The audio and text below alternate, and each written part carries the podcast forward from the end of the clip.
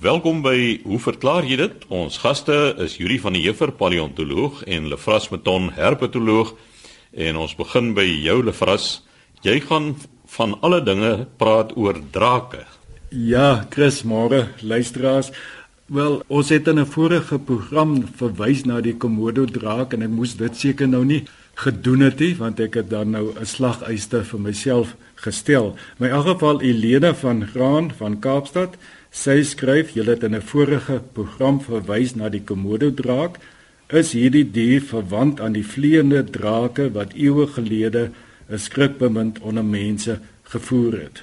Nou ja, ek het eers gedink, "O, oh, oh, maar toe het ek so bietjie gaan oplees oor drake en dit was nou vir my omtrent 'n ontdekkingsreis. Maar in elk geval ek ek dink ons moet net hierdie bespreking begin deur net ietsie te sê oor Komodo drake.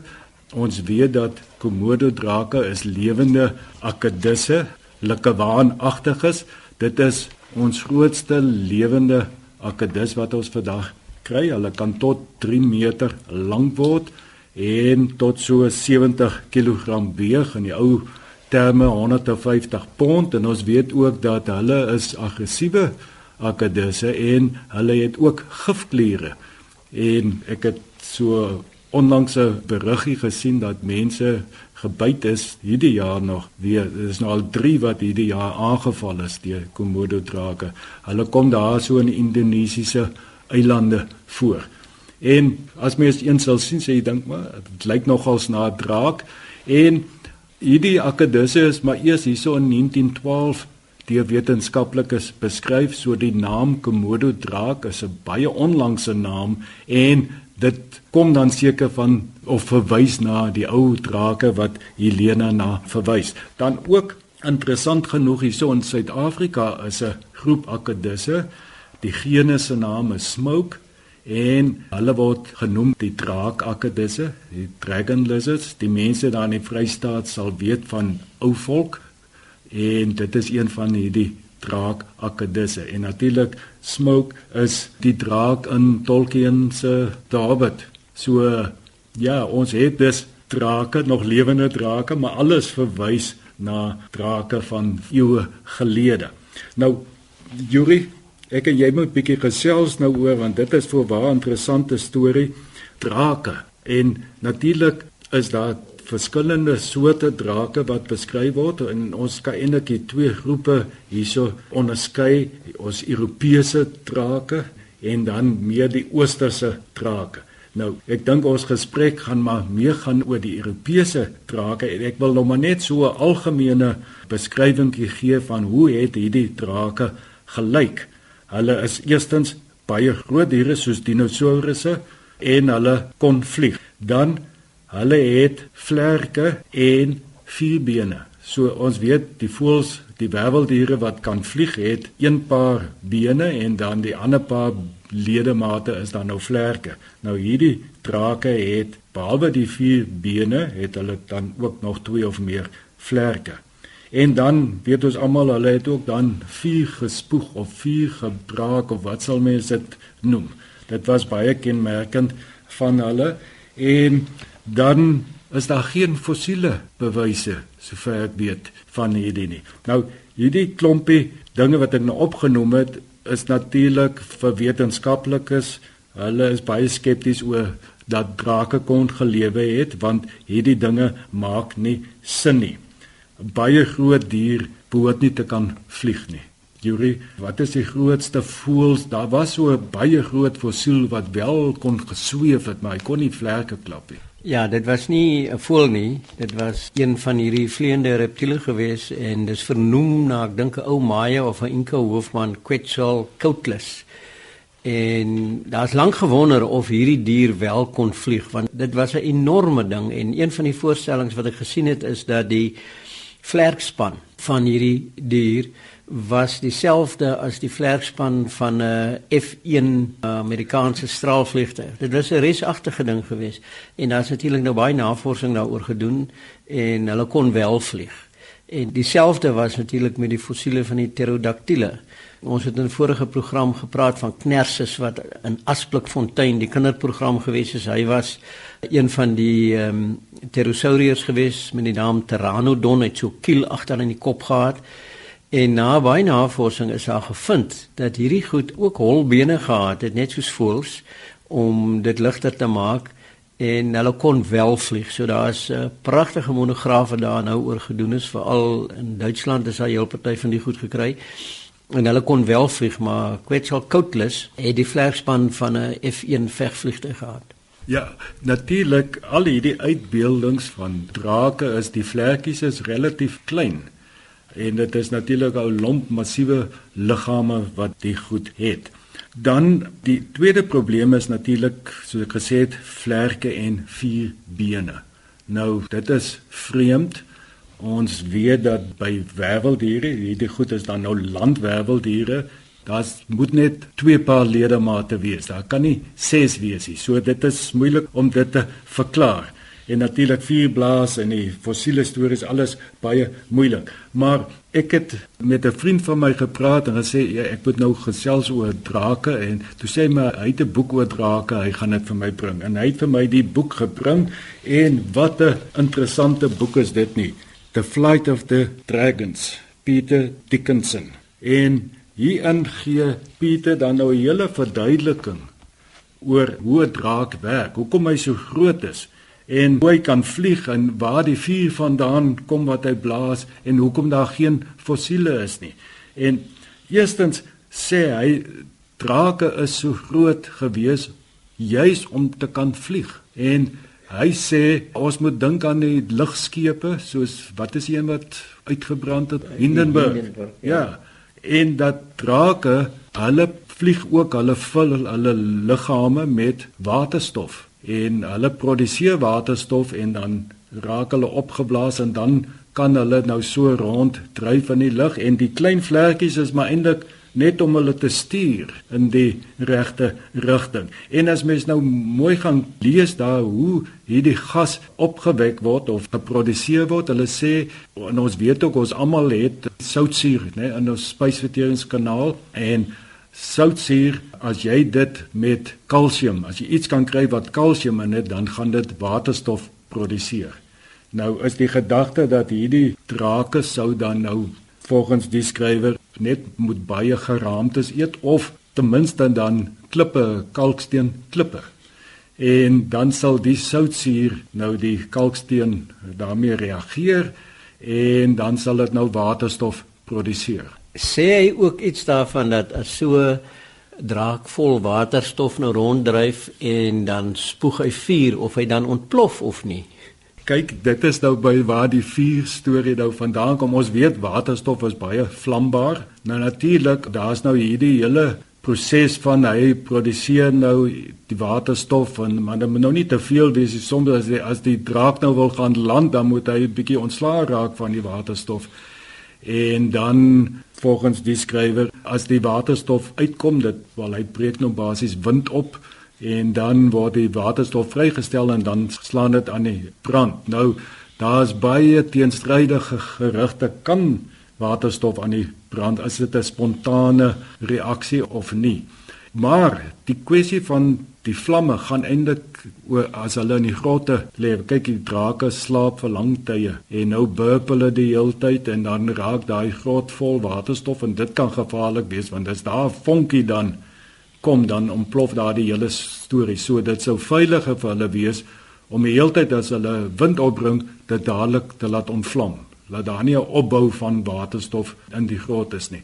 En natuurlik as hulle nou vlieg het, hulle nou maar agtergekom, die vlamme dien nog as 'n doel.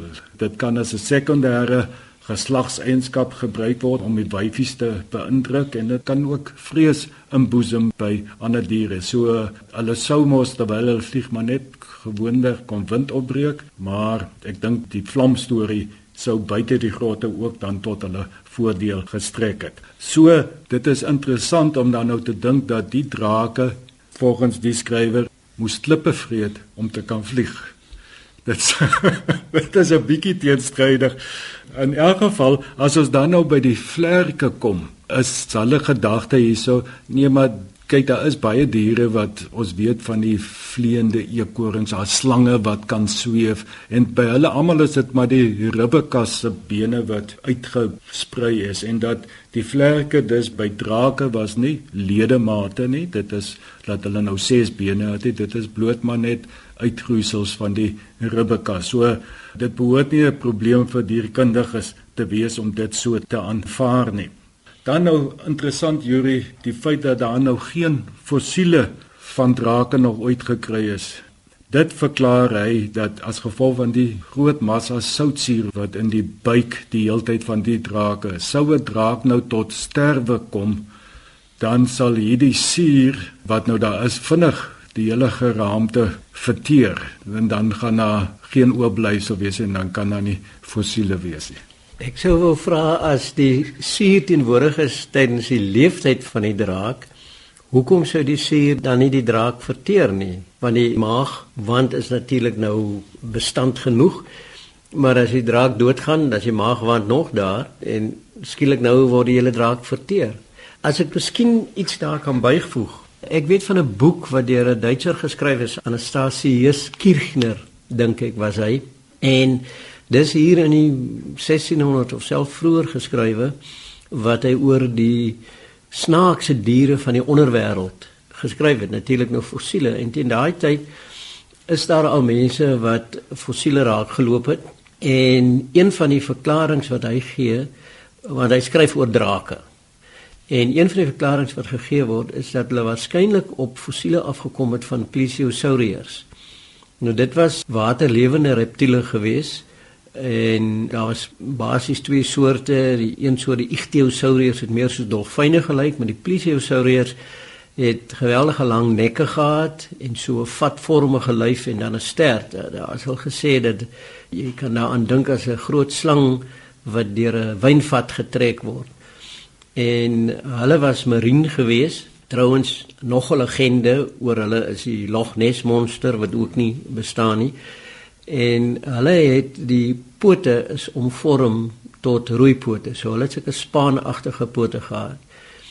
En die gedagte is dat dit een van die fossiele was wat die idee van drake by die mense tuis gebring het want hulle het nie dit gesien waarskynlik die fossiel nog onderste bo gekry ook 'n gedink dat hierdie spane is uitgroeisels van die rug en dat dit dalk vlerke kon gewees het eerder as wat dit pote gewees het. So een van die ek weet nie of die man dit in sy boek doen nie, maar een van die idees is dat die fossiele van die plesiosauriërs het gehelp om die idee van drake, vleiende drake by die mense te vestig.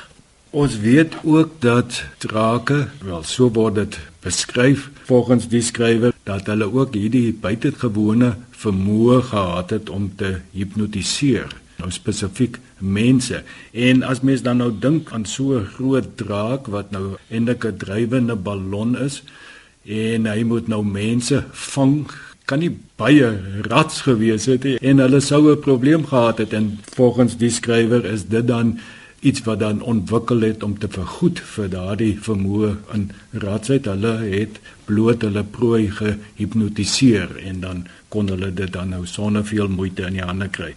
Ons weet ook van dat drake dan volgens die skrywer in die grotte baie lief daarvoor was om allerlei juwele en goud en skatte te vergader. En nou moet mens dit ook nou probeer verklaar op 'n logiese wetenskaplike manier. En volgens die skrywer as die diere nou so in die grotte lê vir lang tydperke wat hulle nie aktief is nie hierdie soutsuur en goed kom die heeltyd uit die lyf uit en by die mond uit en dit het sterk reaksie met nesmateriaal en so hulle sou heeltyd soek na materiaal wat dan nou bestand is teen soutsuur en blykbaar is goud ek is nie seker of dit nou so is nie goud is dan nou een van daardie dinge wat nie sal reageer met soutsuur nie Ja, jy is heeltemal reg. Kyk, die enigste ding wat goud oplos is koningswater. Dis 'n mengsel van HCl, uh, soutsuur ja, en H2SO4 swavelsuur. En ek onthou in my eerste jaar het ons 'n fantastiese chemie dosent gehad en toe hy nou hierdie goed vir ons meedeel, het hy uh, dit genoem en gesê dat hierdie mengsel van sure wat goud kan oplos, staan dan bekend as koningswater want dit is die top van alle waters wat goud kan oplos en toe het hy nou die grappie vertel van onderdane wat vir 'n koning wou 'n verjaardag geskenk gegee het en niks was goed genoeg gewees nie. En toe kom die een op die gedagte maar ons moet vir die koning 'n kamerpot, 'n koos moet ons vir die koning gee vir sy kamer wat hy snags kan gebruik, maar ons moet dit van goud laat maak. En toe die ander onderdaan gesê nee, dit sal glad nie werk nie want koningswater los goud op. ja. Dan nog 'n verdere punt, ons moet nou onthou dat volgens die skrywer drake sou dan nou uit dinosourusse ontwikkel het En ons weet ook by voëls, het seker van hierdie dinosourusse het 'n spiermaag alreeds in plek gehad. Krokodille het dit ook, ja. En hierdie drake moes nou hierdie groot kalksteen klippe wat hulle insluk, moes hulle nou fyn maal en daarvoor het hulle dan nou redelike sterk klippies in hulle spiermaag nodig en die gedagte is dat diamante en natuurlik is ideaal daarvoor en dat wale ook al 'n diamant in die hande kon kry, sou dit nou ingesluk geword het dit en dit sou nou in die spiermaag aangewend word om klippe bietjie fyn te maal.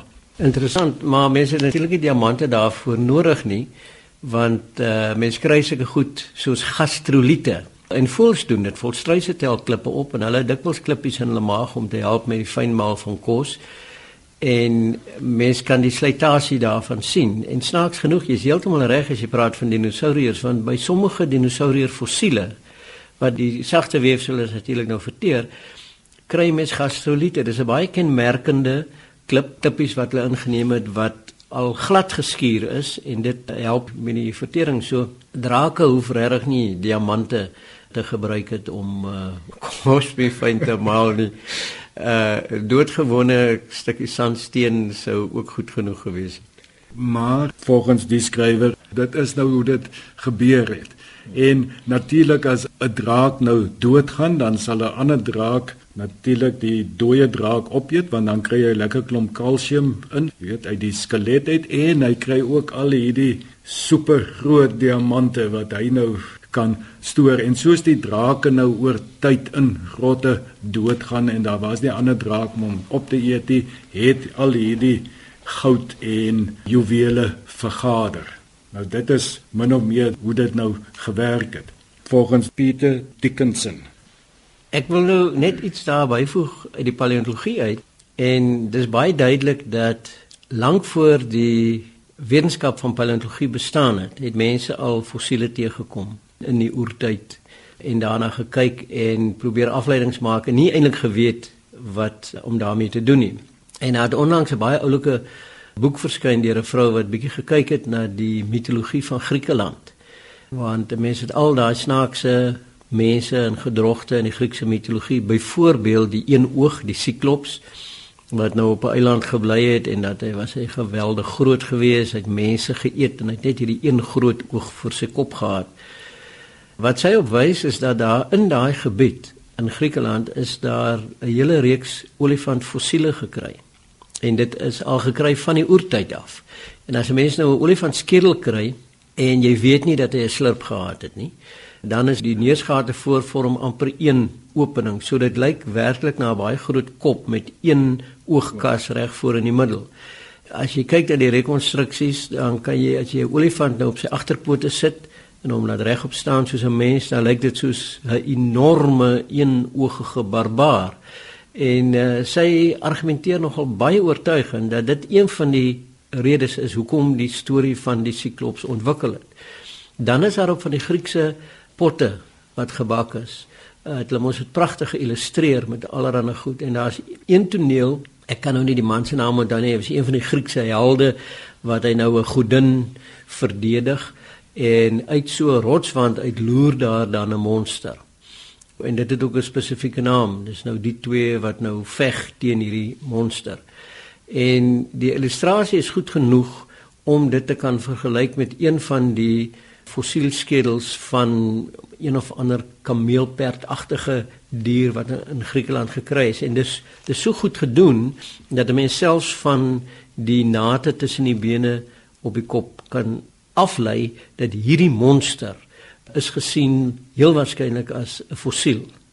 En wanneer dit nou by jou storie kom van die goud en die juwele, is dit baie interessant want die voorvaders van Triceratops, daai dinosourus met die groot bewapende kop wat so 'n uh, eh, stuk been oor sy nek gehad het en dan die horings. Die voorvaders daarvan was Protoceratops. Was kleiner, maar dit het ook daai tipiese skilpadbek gehad.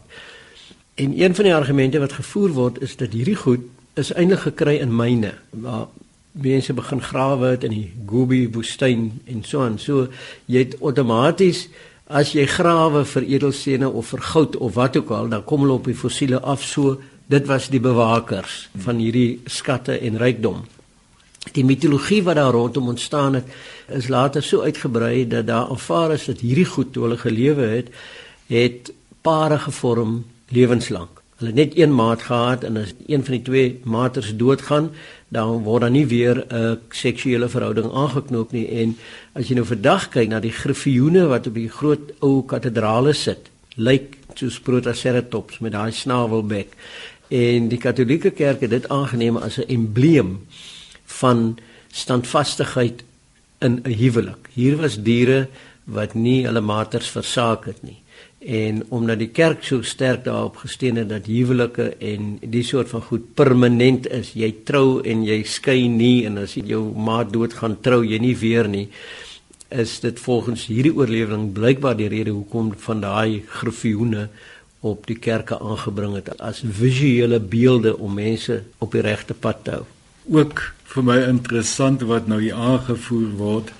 Ons weet dat die dinosourusse het nou uitgesterf met die laaste massa-uitsterwing toe daar nou 'n asteroïde die aarde getref het en voëls is dan nou die enigste dinosourusse wat oorleef het en volgens die skrywer van hierdie boek Peter Dickinson The Flight of the Dragons. Dan nou drake het ook oorleef en beide kon vlieg en dit het iets te doen met die vermoë om te kan vlieg hoekom hulle nou oorleef het. Maar ongelukkig word hier niks geskryf oor hoekom. Hoekom sou drake ontstaan het? Wat is die nis? Wat was die evolusionêre dryfkrag vir dit wat hulle dan nou moet doen?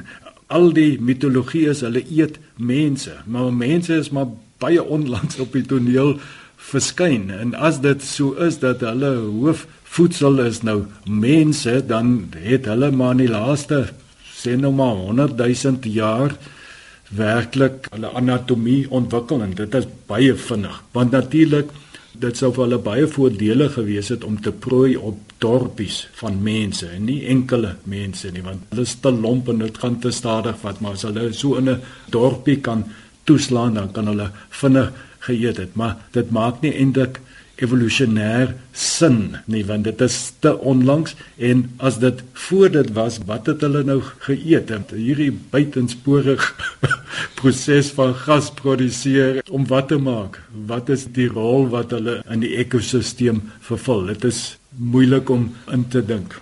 Ek dink jy's reg want as mense nou net bloot morfologies daarna kyk reuse viervoetige diere wat mense aanval hoef nie te vlieg nie. So die ek dink die idee hoekom hulle vlieg daarvoor moes daar 'n ander rede gewees het want dikwels ook het drake jong meisies ontvoer en in grotte aangehou en ek dink in die Britse verhale kultuur was mos St George wat teen die draak geveg het jy sien hom dikwels so op sy wit perd wat die perd die draak nou vertrap onder sy voete Maar om 'n groot mitologiese dier te hê wat op mense teer is, daar geen rede hoekom so 'n dier sou vlieg nie. Hy vlieg nou maar net anders sou hy nie oorleef het die uitsterwing van die dinosourusse nie, want hy's nou 'n dinosourus. Dit is hoekom hy vlieg sodat hy kon oorleef het. Maar in elk geval, daar word dan ook nou gesê dat drake het nou gelewe toe die aarde redelik warm was en daar was daarna dit bietjie afgekoel En nou met die globale verwarming is al die toestande is weer reg dat die drake, die wat nou nog lewe, dalk weer kan ontwaak en uit hulle grotte uitkom. Sal dit nie fantasties wees? Yuri is daar wel so iets is en as ons op 'n dag sien hier vlieg so waar is wragtige draak en hy spoeg vuur. Ek sal enige medisyne drink om te bly lewe tot die drake weer kom want 'n mens sou binne 10 sekondes sou jy 'n antwoord hê op wat dit regtig is. En ek herinner my aan daai legendariese paleontoloog wat ons by die Suid-Afrikaanse Museum gehad het, LD Boonstra. Het jare in die Karoo spandeer, het enorme werk gedoen oor die soogdieragtige reptiele, die voorvaders van die soogdiere. En hy het altyd gesê as hy eendag diep in die Karoo op 'n koppie sit en daar kan net een soogdieragtige reptiel om die draai kom en voor hom verbyloop, sal hy binne 'n oomblik soveel inligting oor die goed kan opklaar oor velkleur, oor hoe hulle geloop het, die gang, alles. En dit was diere wat werklik bestaan het, want die geraamtes daarvoor bestaan. Nou dink nou net hoeveel erger dit sou wees, hoe meer fantasties dit sou wees as jy skielik 'n dier kon sien wat nie bestaan nie. So Elena, ja, daar is vandag drake, maar dit is sommer maar net vernoemde diere wat na die oorspronklike drake vernoem was. Daardie drake hoogs onwaarskynlik, maar mens weet nooit.